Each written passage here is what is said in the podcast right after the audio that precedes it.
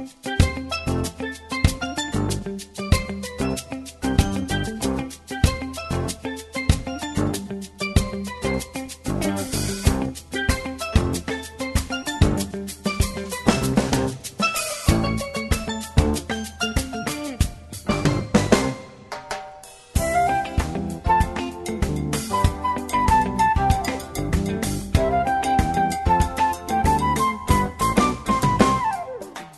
Velkommen til sendingen av Bilge Langt. Og i morgen får jeg lese fire vi har lese ur Johannes evangeliet, kapittel 14 og ørende 8. Gjersta tikkar øttest ikkje, til trygg var god, trygg vi av med vi. Og i huset færes er nekkur bosteg. Vær det ikkje så hei jeg sagt tikkun til. Da jeg færre bostar er gjerra tikkun sted til røyar, og ta jeg er færre bostar og hei gjerra tikkun sted til røyar, kom jeg atter, og tætje tikkun til munn, så eisen tid skulle være her som jeg er og her som er færre vita til vegin. Thomas sier vi han, Herre, vi vet ikkje hver du færst, og hvordan kunne vi vita vegin. Jesus sverre i hånden, er veveren, sannleggen og løyve, ønsken kommer til feiren, åttan vi mer. Og i morgen så færre vi at uh, spela en samråd som jeg har hatt vi en danskare som for noen døm så gjerne være i følgen. Men Arne kom her til, så færre vi da har Alex Berensen, Sintja Sanchez, av Myrskursens vei.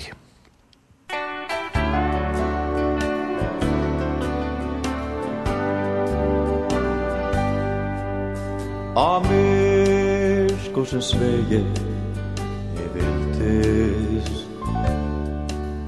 Moi leimo for tapping ta bær. Ta gleie i fyr Kom njóta. Hon fanns du ikke meira i mer Og jeg er mot luft og slutja Jeg sakte, men fann hon Tju svær. Til fan og ut og slær Jeg lærte om glädje och fri till mitt sen Moin vit han är kläppor Nær våren som fröjderen fåra i mer Toi bust av vår heimsinn Bærst ein vevor som fører ut fra Jeg åpna je bor Han har Han bust om er her Fekk sjå Men buste så klart varjon vege feran stå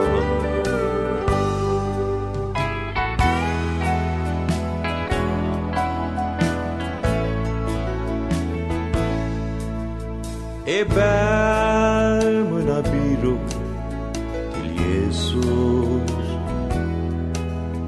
Ur traldome, last e bær Og en sen kvi hans blåbor i tova Så gå dreina og fruja vi sær. Du i synger lov som du herran. E synger av hjärsta og sorg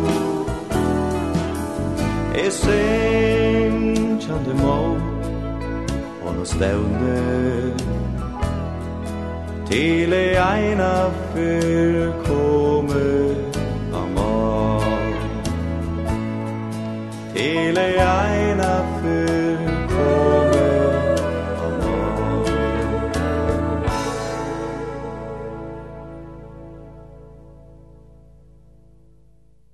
Og sendingen av lintene her har vi hitt en danskare som vidtjer i fargen her som døven, kallas for Klaus Møller. God aften, Klaus. Takk skal du ha. Det er ikke ditt første besøg på ferien? Nej, det er nummer... Jeg tror det er tredje. Tredje gang? Ja. ja. Du var født i 1958. Ja. Du har også og færøske rødder. Ja, det har jeg fra min farmors side. Ja. Uh, Maria Holm, som tilknyttet for en Rastoff-familien. Rastoff-familien. Ja. Og uh, også med Heinesen-familien. Og Lützen-familien. Uh, hun, Uh, altså det er din farmor, vi snakker. Det er min farmor. Ja. Og hun var gift med Arne Jacobsen. Min far er Johan Jacobsen. Din, oh. far, din farfar var jo en kendt mand i Danmark. Veldig kendt. Uh, ja, det er han jo stadigvæk super kendt. Arkitekt. Ja nu har jeg ikke så meget forstand på arkitektur, men endnu med, jeg, når jeg tænker på Arne Jørgensen, så tænker jeg mig på måske, måske indendørs arkitektur. Ja, men jeg tror... Det er måske ikke en del af sandheden. Jo, det er sandheden, og så også altså, alle de bygninger, der er i Danmark rundt om i verden. Bella Vista er det, der han er mest kendt for, ikke? som han byggede i, var det i 38? Hvis jeg ikke, jeg tror det var det omkring Aarhus Rådhus. Okay. Det... Øh, Nationalbanken, så det et andet råd, mange rådhus, skoler. Så rigtig mange bygninger han byggede. Og så SAS Hotel, hvor han alt som er inde i, han har han lavet også, ikke? hvor du har stolen, øh, svanen og ægget og sådan. Men jeg kendte, jeg kendte ham ikke. Vi lærte min far at kende, da jeg var 48 år gammel. Så han designede også møbler og sådan? Han alt blev tegnet, hvad SAS Hotel, alt blev tegnet indvendigt. Så det var meget unikt, hvad det gjorde. Specielt de arkitekter, der var på i 50'erne og 60'erne og sådan. Det var nogle af de bedste, der har været. Jeg husker din vej ud på øh, Ørested, hedder Arne Jørgensens vej. Ja. Det er altså din farfar. Det er min farfar. Men din farfar og din farmor, de De blev aldrig gift, eller hvordan var det? Jeg tror, de var gift, og de levede sammen. Det var før 2. verdenskrig, uh, tror jeg, okay. så vidt jeg ved. Og så blev han skilt, og så under 2. verdenskrig, så flygtede han til Sverige, fordi han var jøde. Okay. Så han blev flygtet til Sverige. Og det lykkedes ham at komme derover? Ja, det lykkedes at komme over med en robåd. Ja og min farmor, Marie Holm, og Jørgen Jacobsen, de var frihedskæmper under, med Boba, i en organisation. Der, der var Holger Danske og Boba, og der var de med i den her gruppering.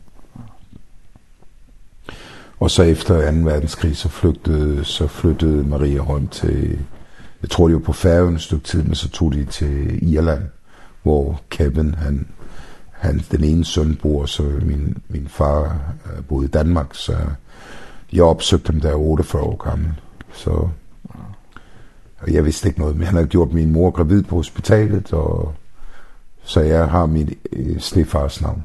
Ja.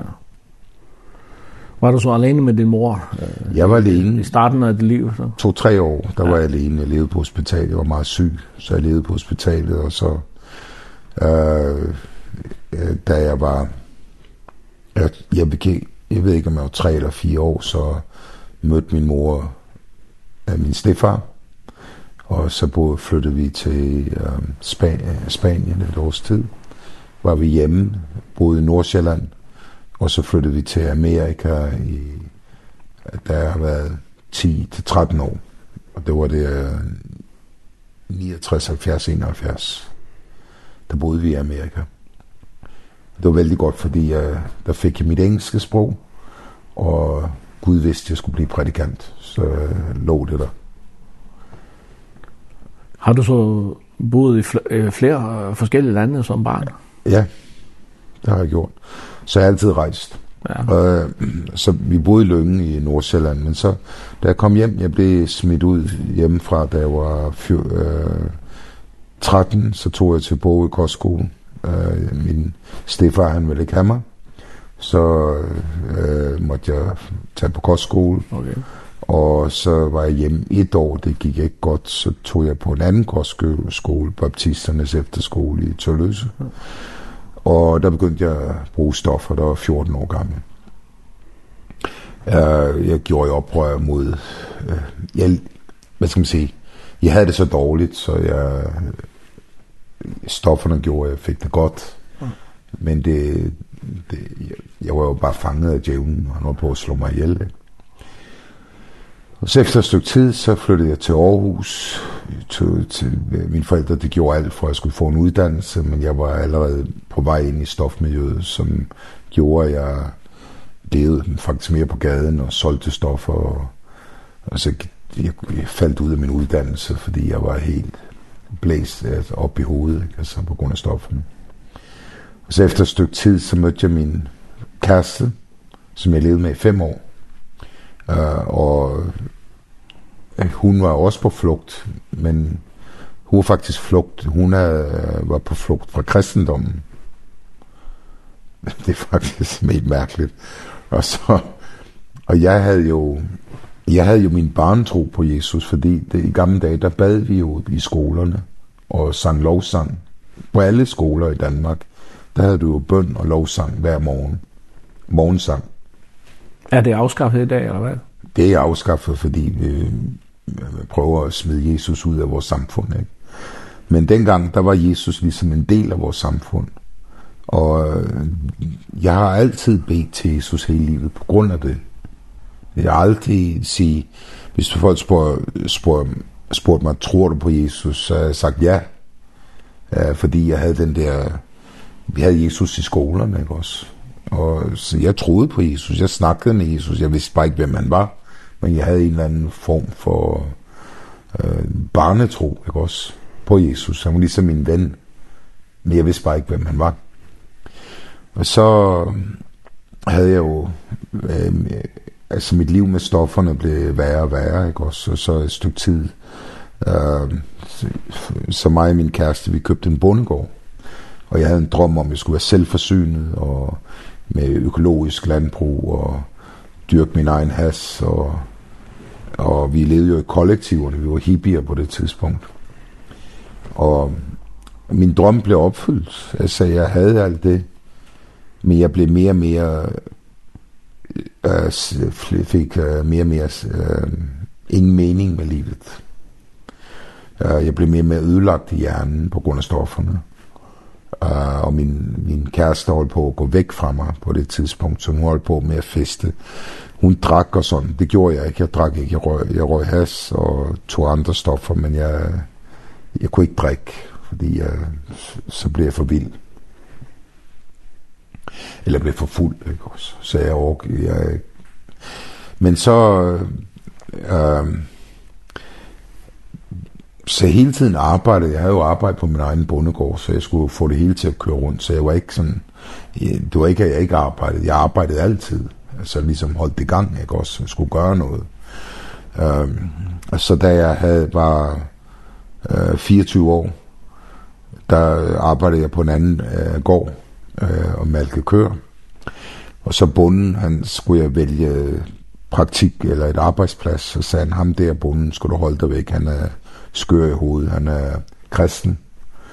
Og så er der tre andre gårde, så siger jeg, nej, jeg tager den kristen. Fordi jeg havde i baghovedet, at jeg havde nogle oldeforældre, som var stærke kristne, baptister. Og så jeg har haft på en eller anden måde været, været i af kirken. Jeg har bare aldrig hørt den prædiken. Jeg har aldrig hørt nogen snakke om Jesus, vel? Jeg har været i kirken, men jeg har aldrig hørt nogen snakke om Jesus, vel? Så der er aldrig nogen, der har fortalt mig om Jesus. Det er helt mærkeligt, ikke? Du, min fætter sagde, at vi var i kirke hver eneste dag, men der var ingen, der snakkede om Jesus. Jamen, så kom jeg på en... Øh, den bondegård, hvor den kristne var, han var øh, fra Indermissionen og åndstøbt. Og det var en karismatisk vækkelse. Og jeg banker på døren, han åbner døren, og jeg kan bare mærke, at den hellige ånd kommer på mig med det samme. At jeg kunne fysisk mærke det. Og der var jeg overbevist om, det her det er Gud. Og så kom jeg næste dag, han fortæller, det var hans vidensbyrd, og han sagde, han ville ikke, jeg skulle arbejde der, fordi jeg var hippie og kommunist og på stoffer, så han ville ikke være mig. Men jeg havde hørt fejl, så jeg troede, han sagde, kom i morgen. Så jeg kom næste dag, og så talte Gud til ham, at det var ham. Jeg kom ind, og så siger han, han var vældig sådan streng kristen. Fuld af den hellige ånd, men lidt uh, sådan bestemt rødhåret type. Ikke også?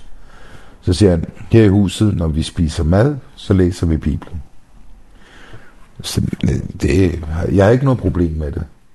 Jeg har ikke problem med Jesus. Jeg har, jeg har ikke, jeg har problem med, at jeg var fast på stoffer, ikke også? Og jeg, jeg ledte ikke efter Jesus. Jeg, jeg ledte efter frihed. Men det, men det er kun Jesus, der giver frihed. Så siger han, så læste han i Bibelen, og jeg kan huske, første gang jeg læste Bibelen, der føltes som om, det var et lys i en mørk tunnel. At, når jeg, at jeg med det samme, så fik jeg tro, det kan være, at jeg kan blive fri. Det var det første, der hør, jeg hørte, det, det kan være, jeg kan blive fri. Så næste dag kom jeg igen, så læste han igen. Jeg, jeg kan ikke huske, om det var en eller to eller tre dage. Jeg ved ikke, hvor lang tid der gik. Men så, så læste han nemlig om, fugl, hvordan Gud giver mad til fuglen. Jeg ikke behøver at bekymre mig om uh, mit liv. Så sagde han, forstår du, hvad jeg siger? For han troede, jeg var på stoffer, så han troede ikke, jeg kunne forstå, hvad han sagde. Men jeg vidste præcis, hvad han sagde. Og så sagde jeg, det er jo vældig let at forstå. Gud giver mad til fuglene, og du behøver ikke at bekymre dig om penge. Det kan hvilken idiot forstå. Men han sagde, de fleste kristne tror ikke på det. Og der tænkte jeg ved mig selv, hvis de ikke tror på, hvad Bibelen siger, hvad tror de så? Så sagde han, du tror på Jesus, og så sagde jeg ja. Og da jeg sagde ja, der bliver jeg åndstøbt. Og jeg, jeg blev... Jeg fik sådan et møde med Gud, at det var en million gange stærkere end stoffer. Jeg gik ud på gårdspladsen og lå og rullede rundt på jorden. Jeg kunne ikke stå op. Jeg var helt fyldt af den hellige ånd. Og jeg sagde, og jeg sagde, lå og rullede, så Jesus, jeg elsker dig, elsker dig, elsker dig. Og der kom min kæreste, hun troede, jeg havde taget LSD. Så jeg sagde, nej, jeg har fået Jesus i mit hjerte, jeg er på vej hjem til himlen. Og der troede hun virkelig, jeg Så var den helt gal. Så var den helt gal. og da jeg kom hjem, og alt forandrede sig. Farverne i naturen, alting blev smilet til, tilbage til mig. Jeg har fået fred med Gud. Jeg var tilgivet fra mine sønner, og jeg har fået fred med Gud. Så tog jeg hjem, og jeg oplevede, øh, jeg kunne kun snakke om Jesus. Altså, og det, jeg kunne ikke få noget andet ud af munden. Det var bare om Jesus hele tiden. Og da jeg næste dag, der går, gik på arbejde, jeg var super lykkelig, og så kom jeg på arbejde, så skulle jeg ud og have markerne, og så kom djævnen ind i traktoren gennem en stemme i hovedet, så siger han, hvad du oplevede går, det er ikke virkeligt. Og jeg sagde, hvad jeg oplevede går, det eneste virkelig, jeg nogensinde oplevede i mit liv. Jeg kommer til at følge Jesus alle mine dage. Og så Jesus sagde til, til mig med det samme, du skal prædike evangeliet i hele verden. Jeg sagde, du må da være gal i hovedet. Jeg er på stoffer. Jeg har politiet efter mig. Jeg har rockerne efter mig. Jeg er alle efter mig. Der er ingen, der kan lide mig. Og du siger, jeg skal prædike. Og jeg kan ikke, jeg var ordblind. Jeg kunne ikke engang læse. Vel? Og du skal, jeg skal prædike i hele verden. Så sagde jeg det til bunden, ikke? Og så sagde han, nej, men det, det troede han ikke, det var Gud. Vel? Så sagde jeg, jeg er ligeglad, hvad du siger. Gud har talt. Jeg gør, hvad han har sagt. Og der startede tjenesten for mig der startede jeg med at prædike. Først for alle mine venner. Vi fik masser af hippier frelst og sat fri for stoffer. Er det i Aarhus? I Silkeborg. I Silkeborg, okay. Ja. Jeg, jeg boede ude i nærheden af Hammelgårds, men så kom jeg med i Silkeborg, uh, Silkeborg Kirke. Og Hakon Bøjsen, han var en af de karismatiske ledere i Danmark. Okay. Der var tre ledere i den karismatiske vækkelse, og han var en af dem. Så jeg kom hjem til ham, og han øh, så jo ilden, der var i mit liv, så han tog os under vingerne, ikke også? Så han så jo, at vi fik vækkelse, masser af unge mennesker. Fra, jeg tog jo til 20-30 stykker frelste på et par uger. Så efter det, øh, så Hakon, vi kørte jo rundt til alle de der karismatiske møder i Folkekirken. Og, og jeg var i Aalborg, jeg, så blev jeg åndstøbt, og begyndte at snakke i tunger. Jeg fik et møde med herren. Så mistede jeg alle mine venner. Alt gik galt, da jeg blev omstøbt. Ligesom... Altså mistede du alle dine gamle venner, eller? Ja, også det. Altså, jeg havde jo politiet imod mig, og mine venner blev anholdt, og jeg prædikede jo for alle, der skulle købe stoffer, ikke? så jeg sagde, det her det er bedre end stoffer, så jeg, jeg var vældig åben om mit vidensbyrd. Og vi, min ven, han holdt jo på og han kom jo i fængsel, ikke? fordi han solgte og smugte stoffer. Men jeg prædikede jo for alle, og det blev aflyttet. Vi blev aflyttet, og de forstod, at jeg var super tændt på Jesus. Ikke? Mm -hmm. Så min Luthers præst, han gav mig Kenneth Hagenbond. Jeg sagde, ham her skulle du høre på, han er morsom at høre. Og der hørte den første prædiken, jeg hørte, det var Jesus helbreder alle. Det var min første åbenbarelse, jeg fik. Det var Jesus helbreder alle. Og det, det brændte sig ind i mig. Og den, den næste åbenbarelse var, hvad ordet gør, ikke blot det tører. Og så levede jeg, jeg hørte de her bånd hundredvis af gange, fordi ja, der var ikke andre bånd, der var bare de to bånd, jeg havde. Så jeg hørte de prædikner hele tiden. Så startede jeg med at prædike først for mine venner, så begyndte jeg at prædike på gymnasium om og, og sådan. Og, og fordi jeg prædikede så meget, Vi så rigtig mange helbredt øh, og sat fri for stoffer. Fordi vi troede, Jesus kunne gøre alt. Og vi troede, alle ville blive frelst. Så vi havde en super enkel tro. Og vi var mere fyldte. Altså folk kom på stoffer, men vi var mere fyldte end dem. Mere lykkelige end dem. Så de blev næsten fornærmet over, at vi havde så meget liv i os. Og de her var jo på heroin og alt muligt. Jeg tog dem bare med i kirke Jeg gav komme folk på Joen, så sagde jeg til præsten, be for, om han skal blive sat fri. Præsten var helt chokeret over, at jeg kom med alle dem, der havde behov. Og det var sådan, det startede. Ikke? Så, så tog jeg på bibelskole. Øh, jeg, jeg mistede sådan set alt. Øh, efter jeg blev åndstøbt, ikke? så skulle følge Jesus, så måtte jeg betale prisen. Så min, min øh, eks, eller min øh, kæreste hun skrev. Og så tog jeg på bibelskole i Sverige, ungdomopgave.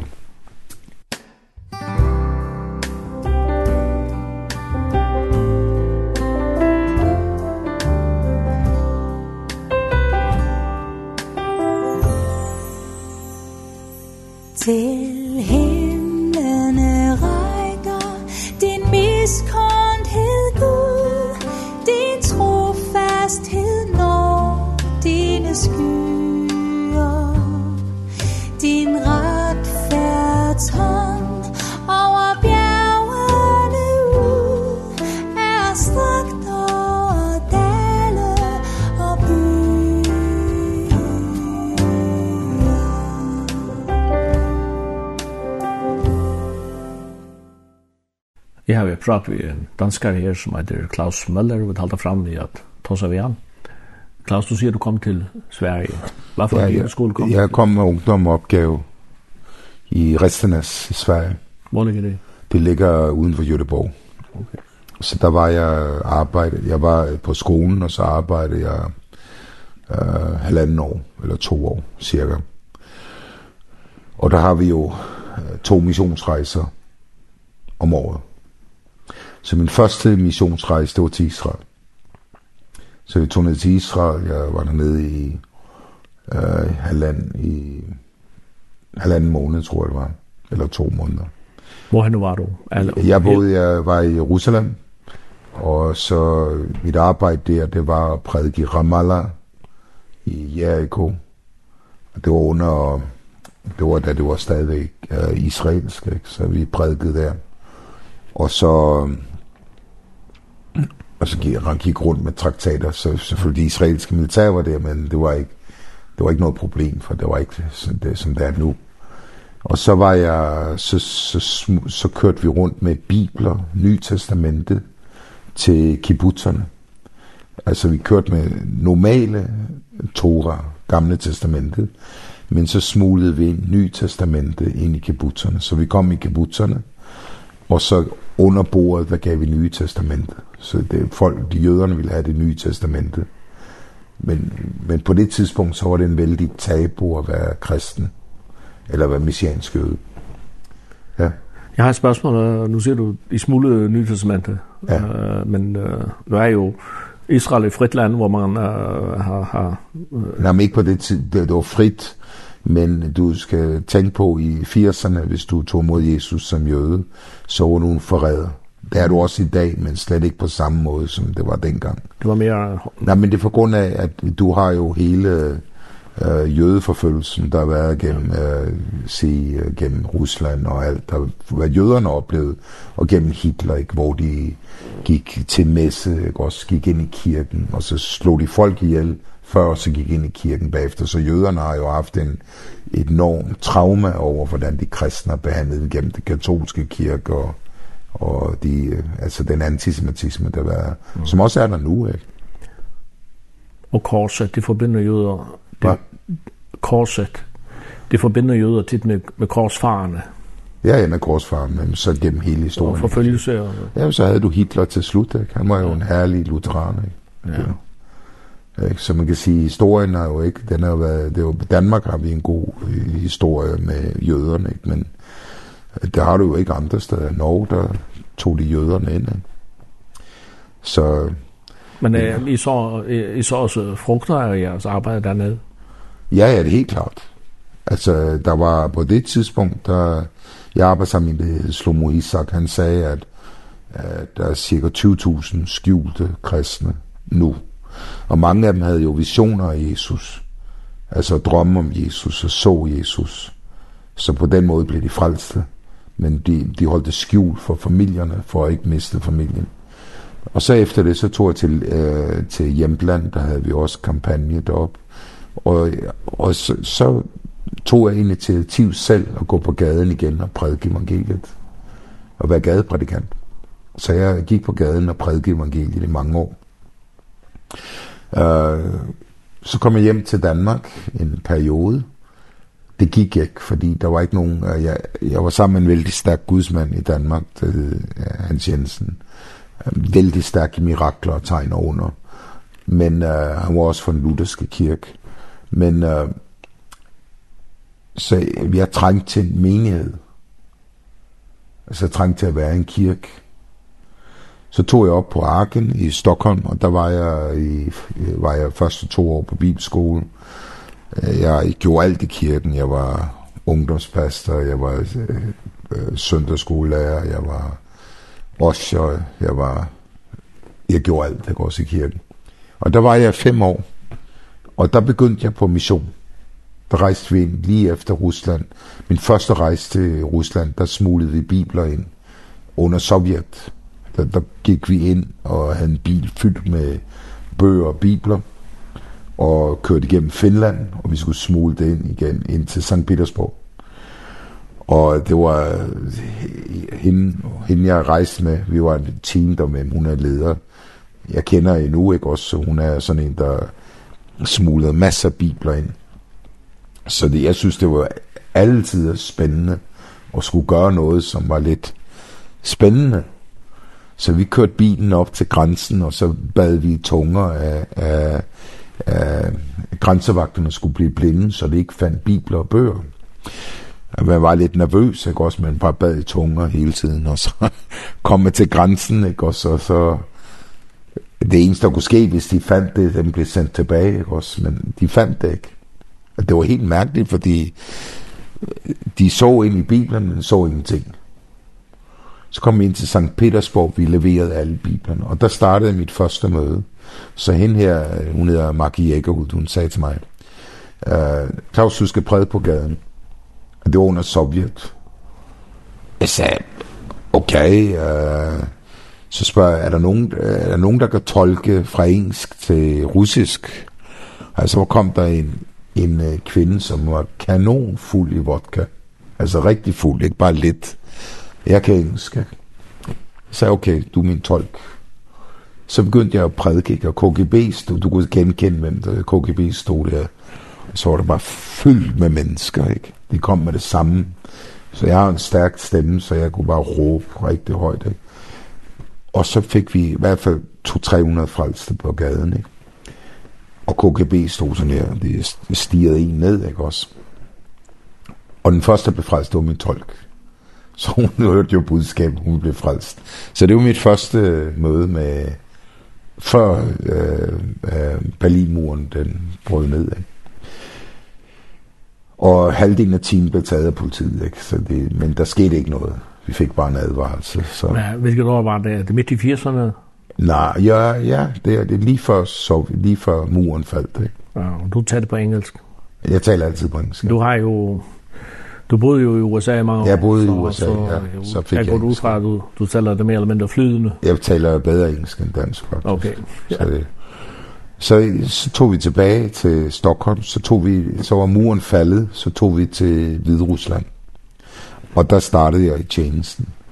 Og, og, og alt det, jeg havde hørt undervisning og hørt trosundervisning, jeg kender det ikke, den retning af undervisning, at du kan tro på Guds ord, du kan handle på Guds ord. Det praktiserer jeg, fordi i Rusland, der var sådan et vakuum, at folk de tog imod i. Du kunne stå på gaden og få 500 frelst. Hvem som helst kunne gøre det. Dengang. Var det en uh, tørst? Uh, det var en tørst, og der var sådan en tørst. Så hvis du bare råbte Jesus, ja så kom, sud kom folk løbende. Vi kom den i kulven af kommunismens vi kom i, fald. Ja, kom der. Så vi så jo vækkelse. Vi så rigtig vækkelse, som man var læser om. Og så bad vi for syge, ikke? og masser blev helbredt, altså døve, lamme, al form for mirakler, ligesom i apostelgerningerne. Det så du, fordi de troede på, hvad du sagde. De havde ikke nogen religion, Øh, de er måske ortodox, men de havde ikke noget.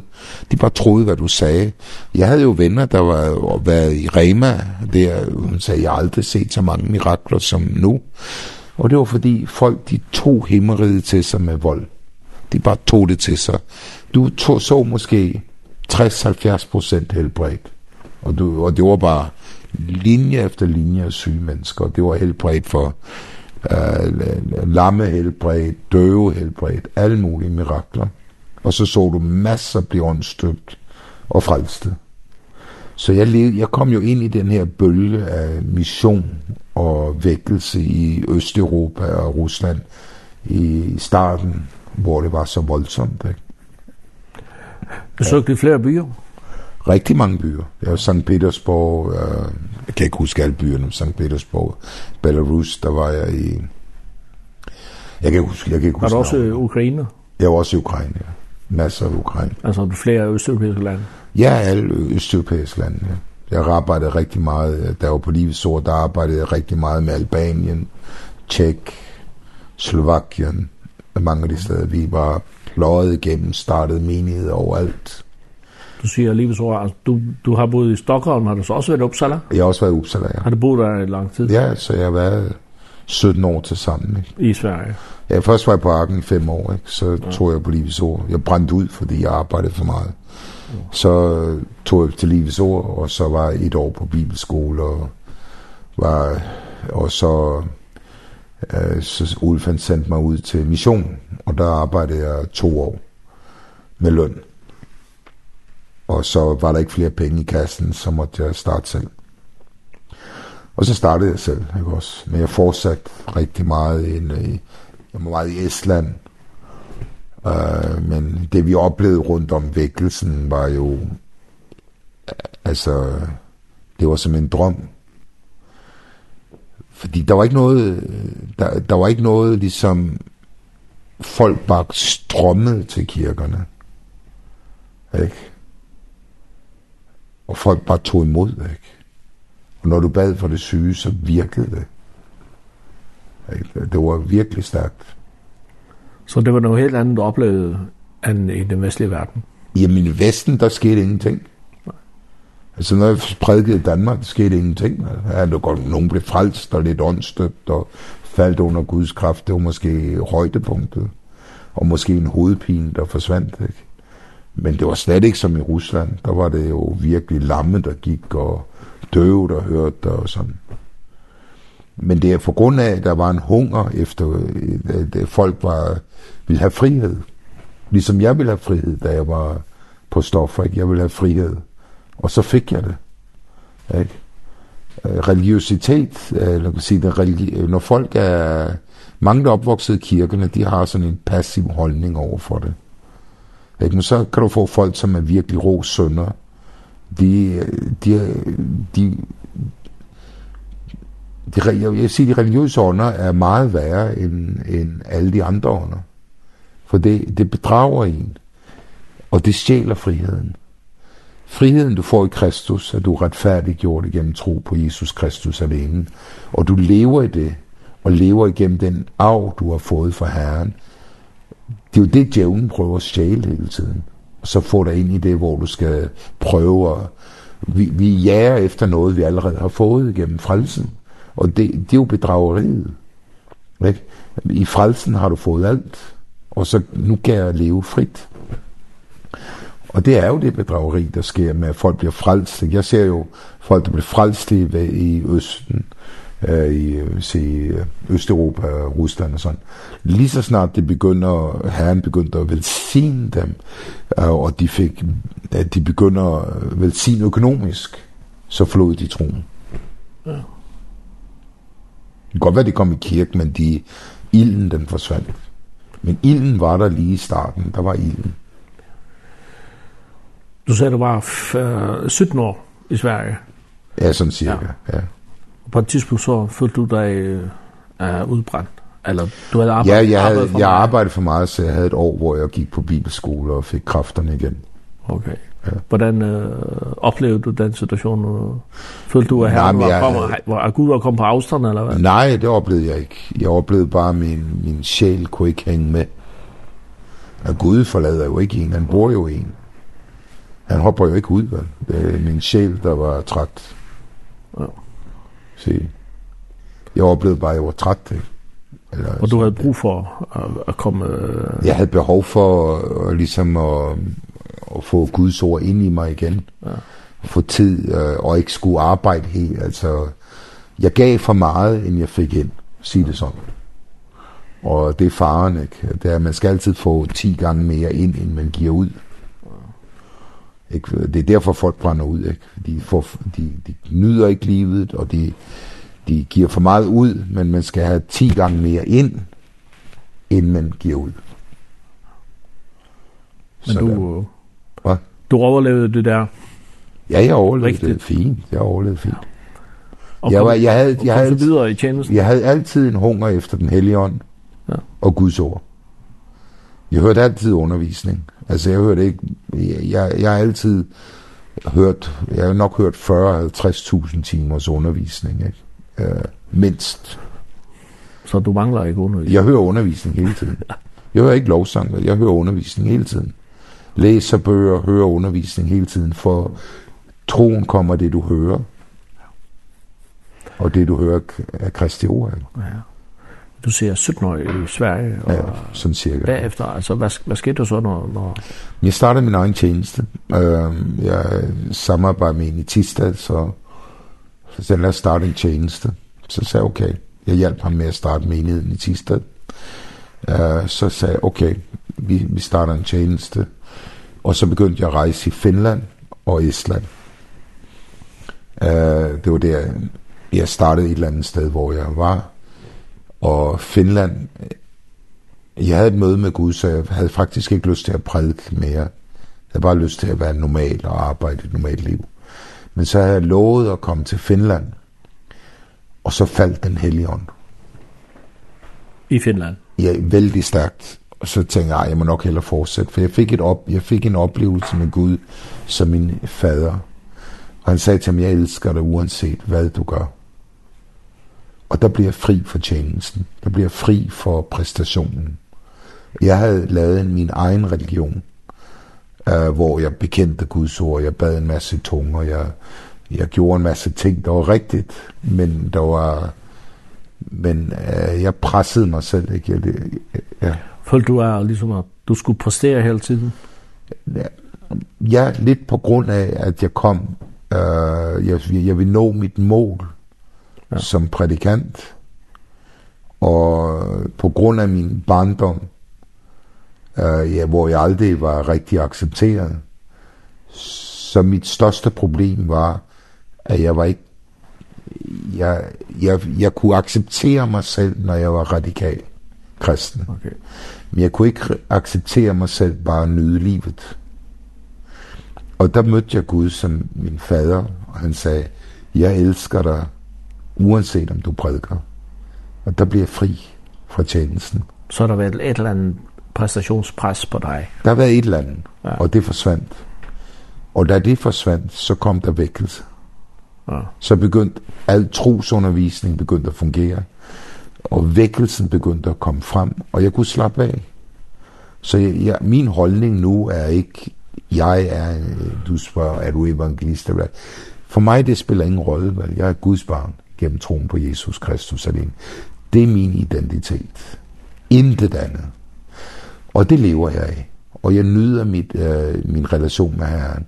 Så mit, mit liv nu er at være med Herren. At jeg prædiker, der prædiker jeg. Øh, det er mit arbejde. Det er mit arbejde, ikke? Så min, det vigtigste for mig er min relation med Jesus. Ikke? At, at jeg lærer ham at kende. Det vil sige, personen som du tjener, det er, er vigtigere end tjenesten selv. Ja, 100 procent. Ja. 100 procent. Altså, det er klart. Der er ikke, alt, alt, alt det vi gør, hvis det ikke er Herren, der gør det, så er det ingen, er det ingen frugt, vel? Du, vi kan ikke gøre noget uden det er Jesus, der gør det. Som himlenes er er din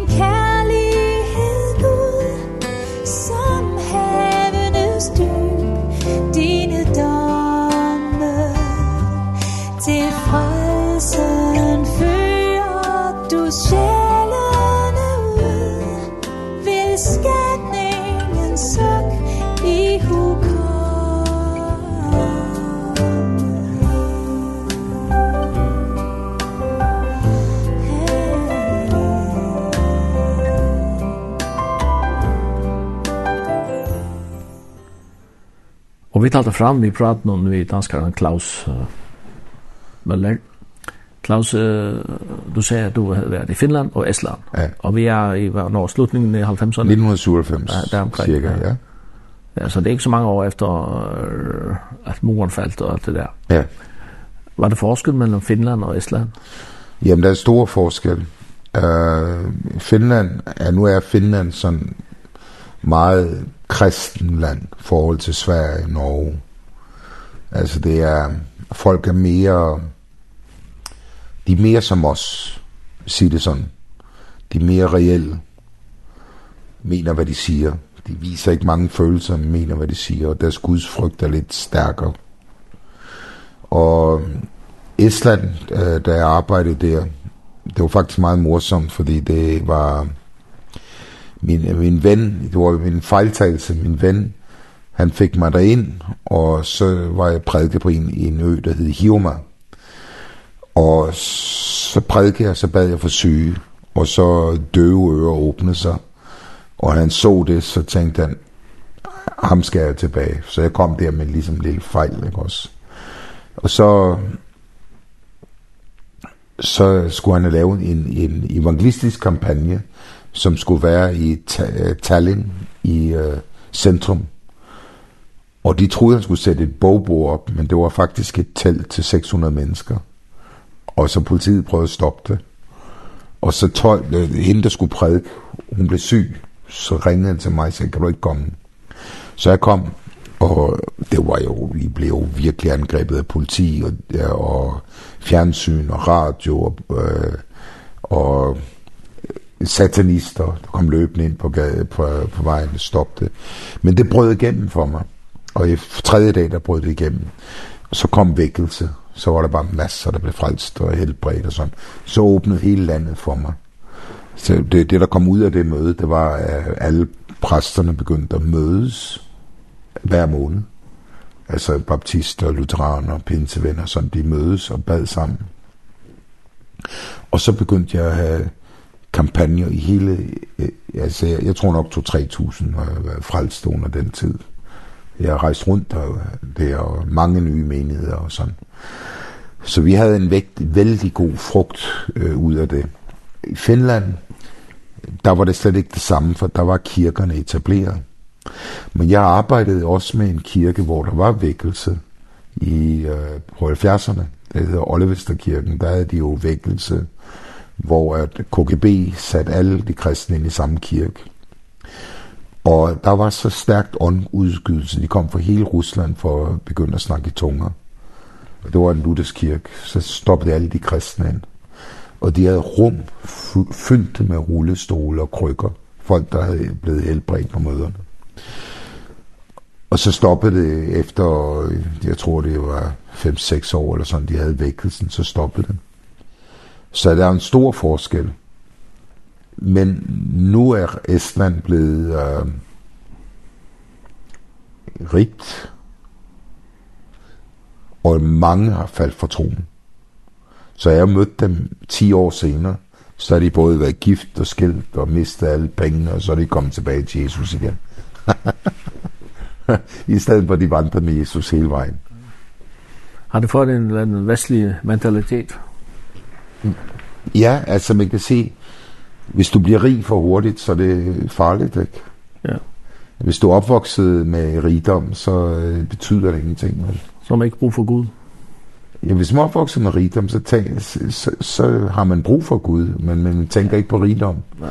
Men hvis du aldrig har haft rigdom, og du lynhurtigt får en enorm mange penge, så er det så er det svært at sætte Jesus først. Og det er ikke pengenes skyld, men det er den her grådighed, det som du aldrig har haft, det, det kan du lige pludselig få, og ikke stort hus, stor bil og sådan. Jeg havde jo ingenting, jeg var prædikant, jeg havde ingenting. Kommer du stadigvæk til, til Østeuropa?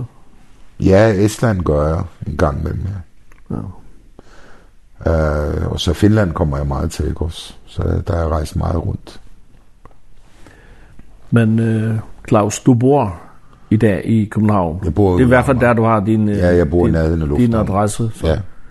Men uh, nu ved jeg ikke, hvor meget du opholder dig i Danmark Ved du, Der, du rejser jo... Jeg rejser nok 200 til 250 dage om året. Ja. Rejser. Ja. Så er det i hvert fald meget ude. Jamen, Jesus sagde, at jeg skulle prædike hele verden, og det har jeg gjort. Det er det, jeg gør. Udover Østeuropa, Jamen, så, været, hvor, hvor kommer du her? Jamen, jeg har været i 42 lande, ikke? Uh, så har jeg rejst i Mexico rigtig meget. Så jeg rejst... det, det lyder meget spændende, du er i Mexico. Det er jo et, et, et land med, jeg ved, hvad er befolkningstallet der? 100 millioner? Ja, jeg ved det ikke, men altså, det er mange folk, ikke? Og så har du, det er meget... Øh, der, der, de har vækkelse, ikke også? Men så har de samtidig karteller Så du oplevede jo masser, der blev slået ihjel, men samtidig så oplevede du Gud virke vældig stærkt. Altså hver gang de skulle på møde, så skulle de jo, de vidste ikke, om de kom levende hjem. Men der oplevede vi virkelig stærk vækkelse i, i Mexico, ikke også? Store menigheder. Overalt. Jeg rejste rundt i 60 forskellige byer op i bjergene. Og så i Mexico City? Ja, også Mexico City, så jeg så overalt, men det stærkeste jeg oplevede, det var faktisk, når man gik ud i øh, de fattige områder, ikke også, der oplevede man Gud vældig stærkt. Ja, det igen er verdens største byer. Hvad? Mexico, Mexico City. Ja, Mexico City. Ja. Men øh, jeg var oppe i bjergen, ikke også? Der kan jeg huske, jeg kom et sted, hvor Jesus kom ind til landsbyen og forandrede den her by, for de var alle sammen banditter. Og så, jeg har aldrig været noget sted i verden, hvor jeg mærkede Guds herlighed så stærkt som det Mexico? Nej, som i den by. Okay, i Ja, der lavede en, by, der lavede en film, der hedder Transformation, hvor man så en by, der blev ja, velsignet, ikke også? Og sådan var den by. Og du kunne bare mærke, når du kom ind, det var ligesom Gud hvilede over hele byen. Helt voldsomt stærkt. Uh, så jeg har lært rigtig meget af at rejse rundt omkring igennem andre kulturer. Du lærer af mennesker, fra alle kulturer, så lærer du altid noget. Du slipper for at være så dansk. har du, har du så også rejst i USA? Altså, ja, jeg har også rejst, ja. Udover det, du har boet der som... Jamen, jeg har rejst der bredt, ja. Og i Kanada. Ja. Så har jeg rejst i uh, Australien, Malaysia, Singapore, uh, Israel har jeg rejst rigtig meget og prædiket og, og um, Afrika. Hvor dyrbar er dog din miskundhed Gud, hvor menneske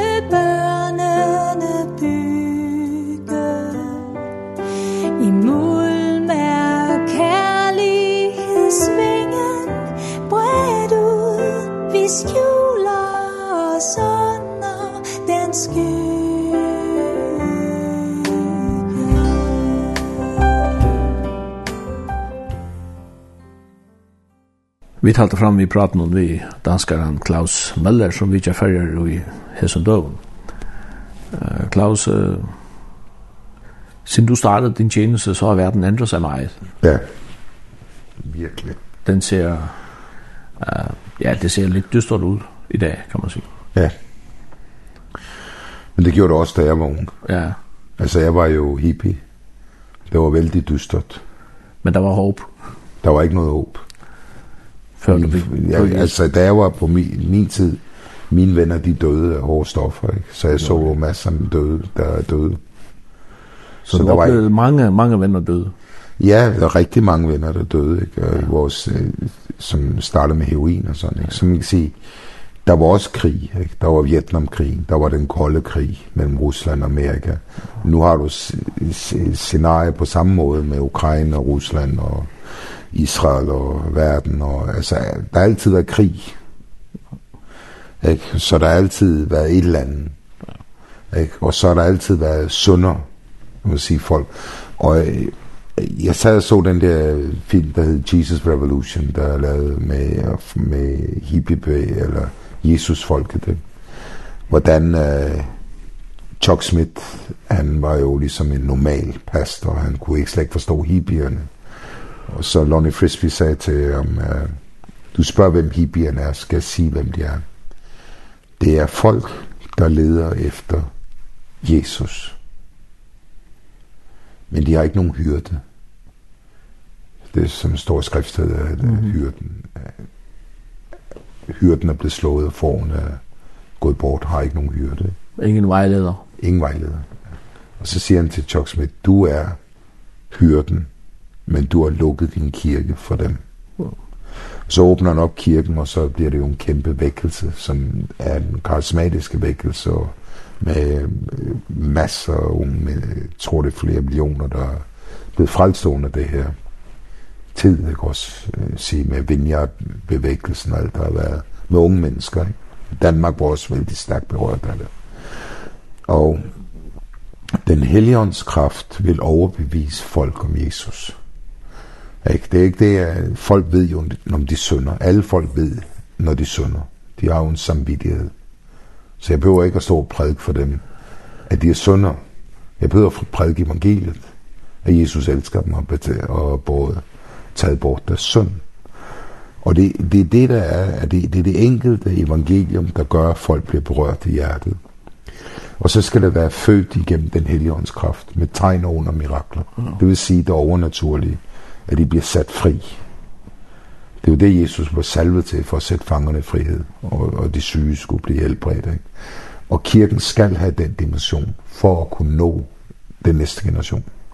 Det vil sige, du kan have masser af god sang og masser af koncerter og sådan. Det hjælper ikke noget. Vel? Hvis jeg vil have en god koncert, så kan jeg bare gå til en anden koncert. Jeg skal møde Jesus, og, og de unge skal møde Jesus. De skal have en oplevelse med Jesus når de får den oplevelse, så vil det sprede sig ild. Og det tror jeg, det kommer til at ske. Yeah. Klaus, så er der måske nogen, der siger, at Europa i dag, det er jo øh, sekulariseret, og folk de har ikke brug for Gud og så. Hvad, hvad har du at sige? Ja, altså, meget sjovt, ikke? Vores, min, min stedfar var jo professor, ikke? og han var meget antikristelig, vældig antikristelig. Det var ligesom en del af hans akademiske profil. Han var helt imod, men så havde han et problem, ikke? Han ved, han kom og sagde til mig, nu er det godt, nu, nu har du været frelst og sådan. Øh, men kirken er bare for gamle damer, sagde han til mig. Øh, du skulle gå på universitet. Du er klog, du kan gå på universitet. Gør noget med dit liv, ikke? sagde han til mig. Men sagde han, du ved, hvem jeg var, før jeg blev frelst, ja? Så sagde, det her det er virkelig... Nej, men han troede ikke på det. Men seks timer før han døde, ikke? så blev tog han mod Jesus. Fordi så kom virkeligheden frem. Okay. Besøgte du ham på hans dødslejr? Ja, ja, jeg besøgte ham hele tiden. Og jeg fik et syn. Han skulle blive frelst, inden han døde. Ikke? Så han blev frelst 6 timer før. Ikke? Fordi du har... Du, du kan ikke fornægte Gud. Lige meget, hvor intelligent du bliver. Du kommer til at møde døden en dag. Og du skal stå til doms for dit liv. Færdig. Og evigheden, der ligger i mig. Evigheden ligger der. Hvis du ikke har fred med Gud, så kommer du i helvede. Ja. Så kommer du til helvede. Det er lige meget, om du er barnedøbt, voksendøbt, hvad det er. Hvis du ikke ved, hvem Jesus er, så kommer du til at brænde for evigt i helvede. Og den, det ved folk, og det er derfor, de prøver at slås imod det. De slås jo ikke imod Buddha eller Mohammed, eller... de slås imod Jesus. Hvorfor slås de imod Jesus, hvis det ikke er virkeligt? De slås imod Jesus, fordi det er virkeligt. Og det er ikke, fordi han dømmer dem. Det er, fordi når Jesus kommer ind i livet, så begynder de at leve rigtigt. De er bange for at miste. De tror, at synden har en frihed. Men den har ingen frihed. Den er bare død, slaveri og så evighed i helvede. Det er kun Jesus, der sætter fri. Og jeg tror på, i Europa, folk de drukner sig i synd, seksuelle synder og stoffer og intellektuel idioti, filosofi eller humanisme eller hvad som helst som de prøver at gemme sig bagved, men de har en samvittighed, der taler hele tiden. De ved, hvad der rigtigt er forkert. Mm -hmm. Så de kan ikke løbe væk fra Gud, for Gud er alle vegne. Og så Gud har anspråk på dig selv. Han har købt dem fri fra syndens magt. Og det, det blod, Jesu blod, taler hele tiden. Du er min ejendom. Du tilhører mig. Men det kan de ikke løbe væk fra. Så jeg oplever jo mange, jeg kan bare stå i nærheden af dem, så begynder de at græde du kalder det sunde eller hvad du kalder det, men det er, at de oplever Guds nærvær rører dem. De forstår ikke, hvorfor de græder. Men det er den hellige ånd, der rører dem, og overbeviser dem om, at Jesus er virkelig. Og det er det, de kristne skulle forstå, at de er fyldt med Guds fuldhed, og Jesus virkelig bor i dem, og vi har fået et budskab til at forandre den her verden. Og det, verden har ingenting. Hvad har verden at give? Ingenting. Nej. Ingenting. Vi har svaret, og svaret er fred med Gud. Guds rige i dig. Okay? Og det er der, at folk de må, uh, det er der, kirken må forstå, vi har det rigtige budskab for den her tid.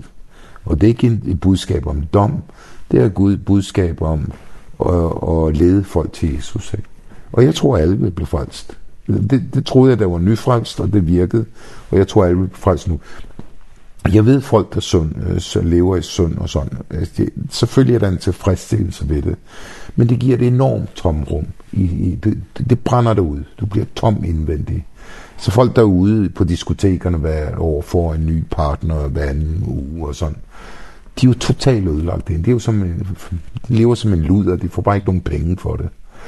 Ikke? Og så kalder de det kærlighed. Det er ikke kærlighed. Det er bare lyst. Ikke? Men i et ægteskab, der har du kærlighed. Der kan du bygge noget stærkt. Der kan du få noget, der vokser frem, som gør dig helt. Når folk, der er derude, de føler sig ensomme og misbrugt. Og de er bedraget. Og det ved de. De leder efter kærlighed. Det er kun Jesus, der kan give den kærlighed. Så jeg tror på en fremtid for Europa. Og det samme med muslimerne, de er fulde af ad. Ikke? Og de kan, de kan, de er, Mohammed giver, der er ingen frelse i den øh, muslimske tro. Der er ikke nogen frelse. Jeg, hvis de slår dig ihjel, så vil du blive frelst og få en masse jomfruer i himlen. Men hvad er det for en religion? Så du kan få fred med Gud ved at du anerkender, at du er en sønder og behøver Jesus i dit liv, bliver født på nyt. Og det er det kun det kristne budskab, der har det. Du må anerkende, at Jesus er mere nok for dig. Du sagde for et øjeblik siden, at, at der, der var jøder, der oplevede overnaturlige ting, ja. og fik en ja, åbenbaringer. Ja, åbenbart. Også muslimer. Også, det, også muslimer. Det siger man tit om muslimer i dag også. Ja, mange muslimer. I, også op... Iran er et af de største steder, hvor der er vækkelse nu. Iran, ikke? Ja, og det er nok et af de mest... Øh, Så det, må, det, det, det, det er jo et satanisk... Øh, styre, der er dernede, det, det muslimske præstestyre. Ikke? Men så kommer Jesus og besøger dem med noget liv. Og det oplevede jeg også i Albanien. Satan han kommer med destruktiv, øh, vi er jo under borgerkrigen og prædike. Ikke? Kommer masser af døde, ikke? og så kommer Jesus med den helligånds kraft, og masser bliver frelst. Han kommer med modsvar, og det er vækkelse. Og det er derfor, jeg tror på, at der kan komme vækkelse i Europa, fordi det ser mørkt ud, men lyset skinner stærkere. Hvis de kristne vågner op og siger, fordi alt opererer gennem tro.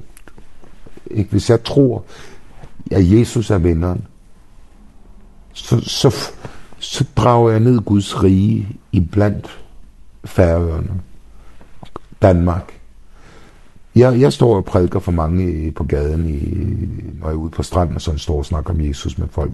Jeg har ikke mødt nogen, der er imod. Kun, kun folk, der er opvokset i en kirke og gået væk. Men ellers har jeg ikke oplevet noget modstand. Det er åbent? De, de er altid åbne, fordi det kommer an på, hvordan du kommer. Ikke? Hvis du kommer med fordømmelse, så, så, så er det klart, det er imod. Men vi er jo ikke kommet for at bringe fordømmelse over folk. Vi er prædiket for evangeliet. Ikke? at Gud har allerede betalt prisen. Vend om og tro Herren. Ikke? Og det, det er vores holdning. Jeg ser dem jo ikke som sønder, jeg ser dem som mennesker, der er fanget af djævlen. Som behøver at blive sat fri. De behøver at møde Jesus. Ikke? Og hvis de møder Jesus, ligesom jeg gjorde da i 1982, det var møde med Jesus, der satte mig fri. Jeg blev født på nyt. Jeg kunne tænke mig at vende tilbage til det, du sagde om Iran. Ja. Det er det land, som er det mest anti-vestlige af de muslimske lande, og, og, ja. og det, det land, som uh, hvor had imod Israel er... Og, og, og kristne. Ja, og kristne er allerstørst. Ja. Og, men lige netop i det land uh, sker de største vækkelser i den muslimske verden. Ja, det siger de, altså hvad jeg har altså, hørt. Ikke? Det, altså... det er selvfølgelig, øh, selvfølgelig hører man nogle rygter, og der kommer jo også men der er sikkert også mange, der bliver slået ihjel, ikke? Men altså, ja, det ved vi godt. Ja. Men altså, det, man kan sige, hvis du ikke har noget at leve for, så kan du lige så godt give dit liv til, til Jesus, ikke? Ja, jeg havde nogle rockere, der kom på møde i Norge, ikke?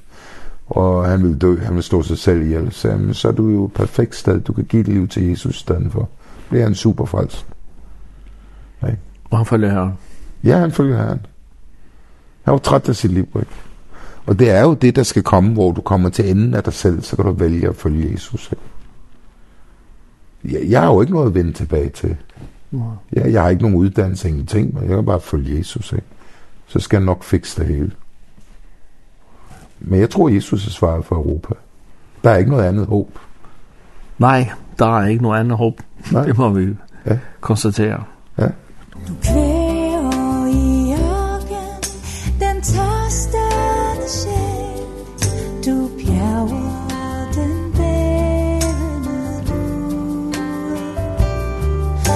costa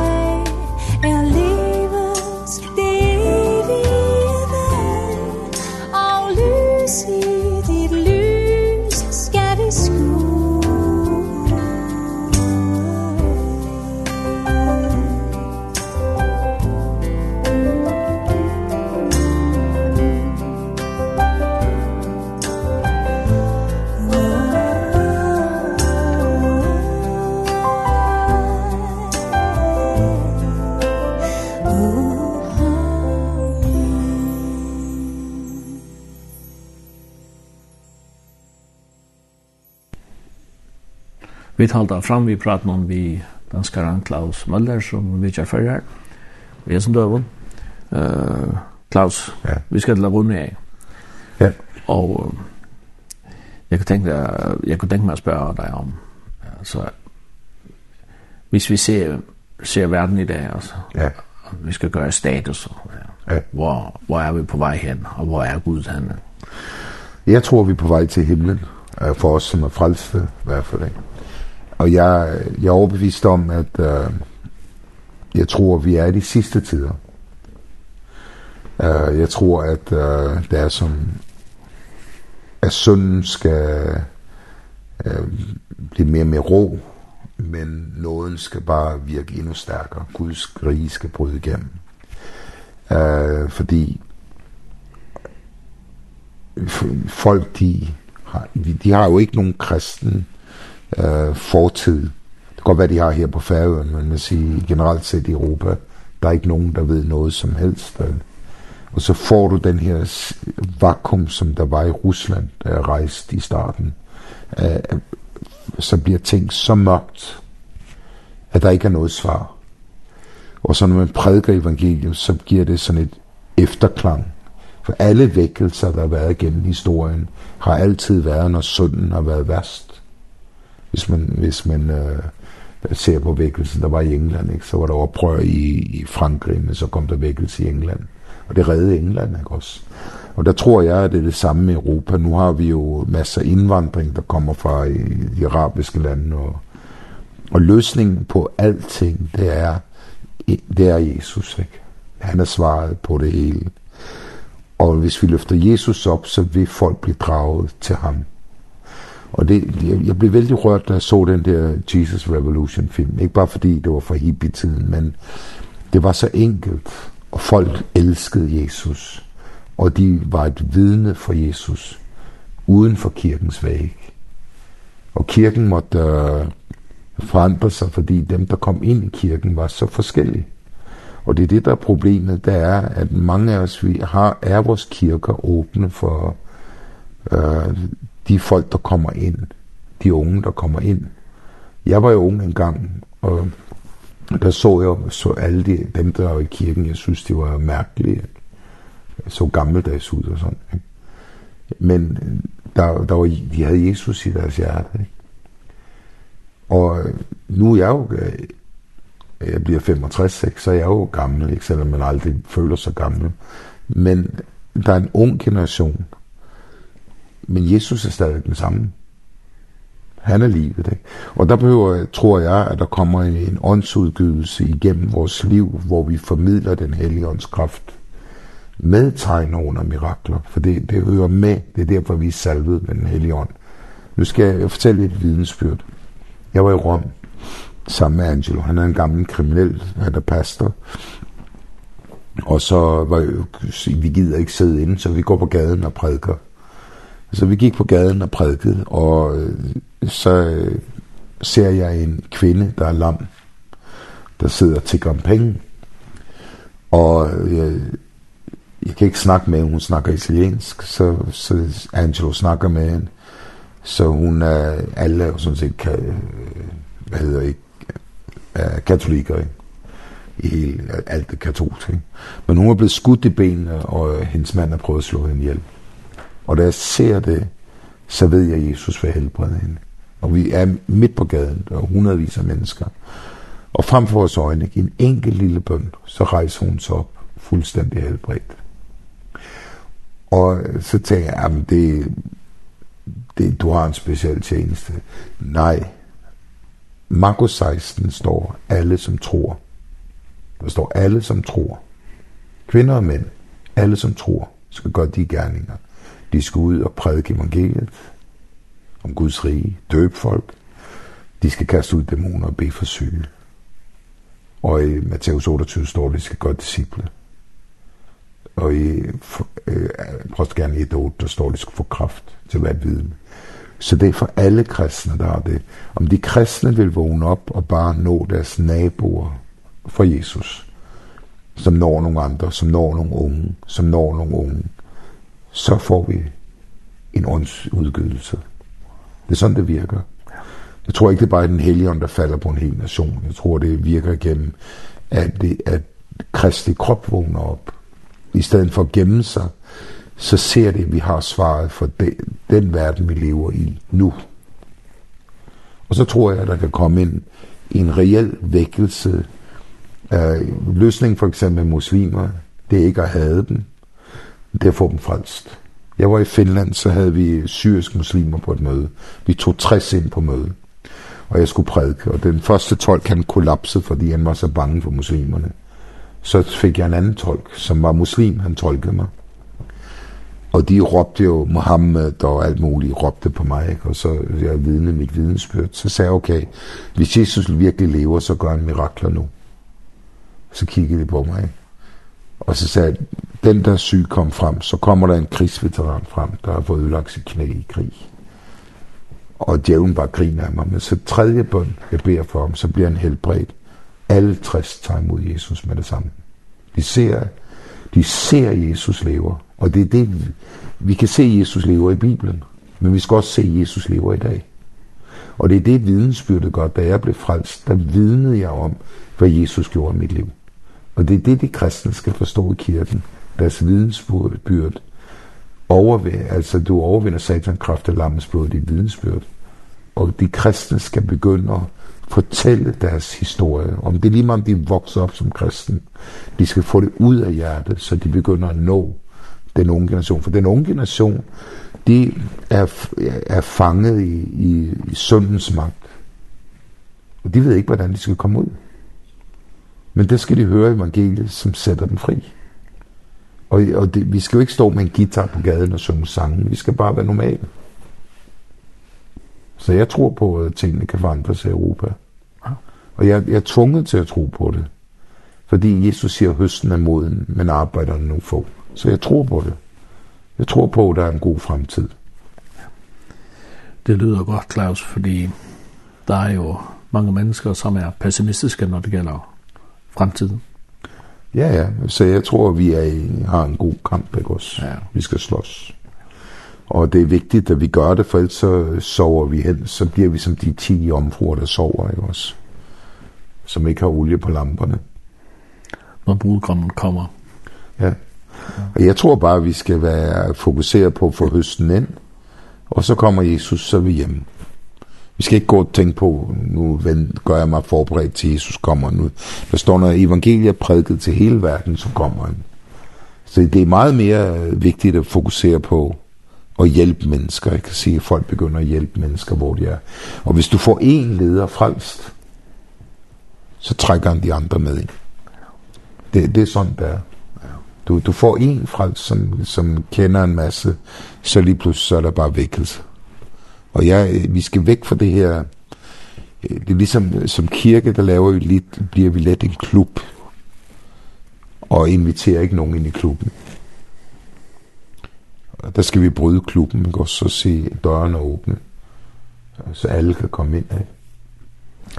Klaus Møller, tak fordi du kom. Ja, selv tak. Og at jeg måtte få lov til at stille dig nogle spørgsmål, og ja. du kunne fortælle om din uh, tjeneste og vi ønsker deg Guds velsignelse i din tjeneste, og så også med hensyn til opp, ditt opphold på, på ferierne. Ja, det er dejligt at være her. Ja. Altså, jeg troede alle var frelst på ferierne. Ikke endnu. det kan de blive. Men tak skal du have. Ja.